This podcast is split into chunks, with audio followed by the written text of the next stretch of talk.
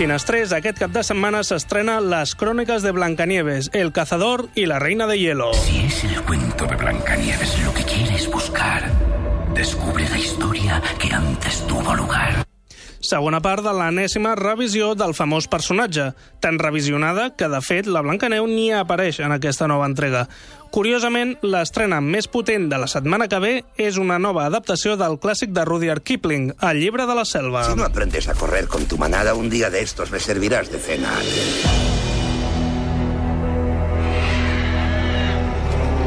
No he podido evitar observar que hoy hay un extraño olor. Aquí sobra el hombre. Bé, ja deveu haver trobat la connexió a aquestes alçades. Les dues històries van passar amb gran èxit per les mans de la Disney. De fet, la connexió va més enllà. Blancaneus va ser la primera pel·lícula de l'estudi i el llibre de la selva la darrera que es va fer amb la supervisió personal de Walt Disney quan encara estava viu. Aprofitem l'oportunitat i dediquem a aquests dos clàssics del cinema d'animació La dada de la finestra. ¿No habrán vuelto los niños?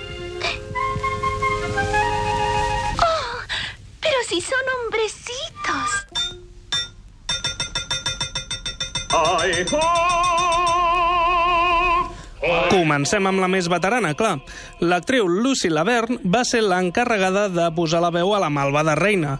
Als productors els preocupava que no pogués canviar suficientment la veu per interpretar a la bruixa, però el dia que tocava va sorprendre a tothom amb una entonació molt diferent. Quan li van preguntar com ho havia fet, va respondre que simplement s'havia tret la dentadura postissa.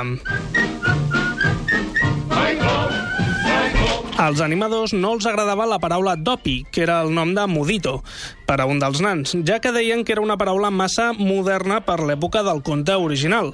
Walt Disney els va convèncer dient que Shakespeare ja havia fet servir la paraula en algun dels seus textos, de manera que ho van acceptar. Però encara ara s'ha de trobar un text de William Shakespeare que inclogui la paraula dopi.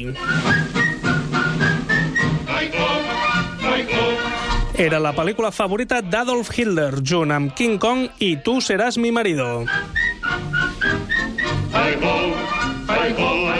Es va convertir en el film més vist de la història ràpidament. Pels números mai vistos abans, semblava que tindria un llarg regnat. Al final només li va durar dos anys, el temps que va trigar en estrenar-se a allò que el vent s'endugué.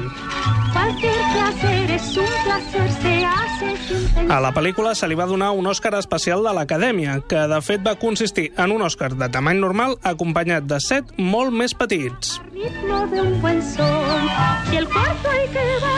Una pel·lícula pionera en molts sentits. Per exemple, va ser la primera en tenir la banda sonora editada independentment de la pròpia pel·lícula. Sabíeu que al final, quan la Blancaneu s'acomiada dels nans, els fa un petó a cadascú menja dormilón? Em pregunto què va fer per no mereixer aquest petó. La leyenda empezó cuando el silencio de la selva fue roto por un sonido insólito. Un sonido jamás antes por nadie escuchado en este lugar de la selva. Era un cachorro humano. For the bare necessities, the simple bare necessities. Forget Seguim amb el llibre de la selva. 30 anys més tard, concretament. Com ja he dit, darrera pel·lícula de Walt Disney.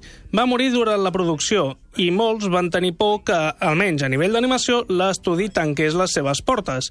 Però el llibre de la selva va tenir tant d'èxit que va garantir la continuïtat de la secció d'animació i els seus treballadors. of my big home. De fet, Walt Disney també necessitava l'èxit al començar el projecte, ja que l'última pel·lícula de l'estudi, Merlin el Encantador, no havia agradat massa. El primer que va fer va ser demanar als animadors que oblidessin l'obra de Rudyard Kipling, ja que els primers storyboards que va rebre eren molt tristos i foscos, seguint la línia més dramàtica i seriosa dels contes originals. They'll come to you. Bruce Reiderman va ser el nen que va posar la veu a Mowgli. Ho portava la sang, ja que va acabar convertint-se en un important documentalista de la natura més salvatge. Curiosament, va aconseguir el paper després que el primer candidat, David Alan Bailey, canviés la veu durant els 3 anys que va portar a produir la pel·lícula. Now, when you pick a pawpaw, En aquella època, Gregory Peck era el president de l'Acadèmia de Cine de Hollywood. Va intentar amb totes les seves forces que el film fos nominat a l'Oscar a la millor pel·lícula. Ningú li va fer cas, ja que ni es plantejava que un film d'animació pogués competir amb aquestes pel·lícules de veritat, vaja. Van passar 24 anys fins que La Bella i la Bèstia va trencar aquest tabú.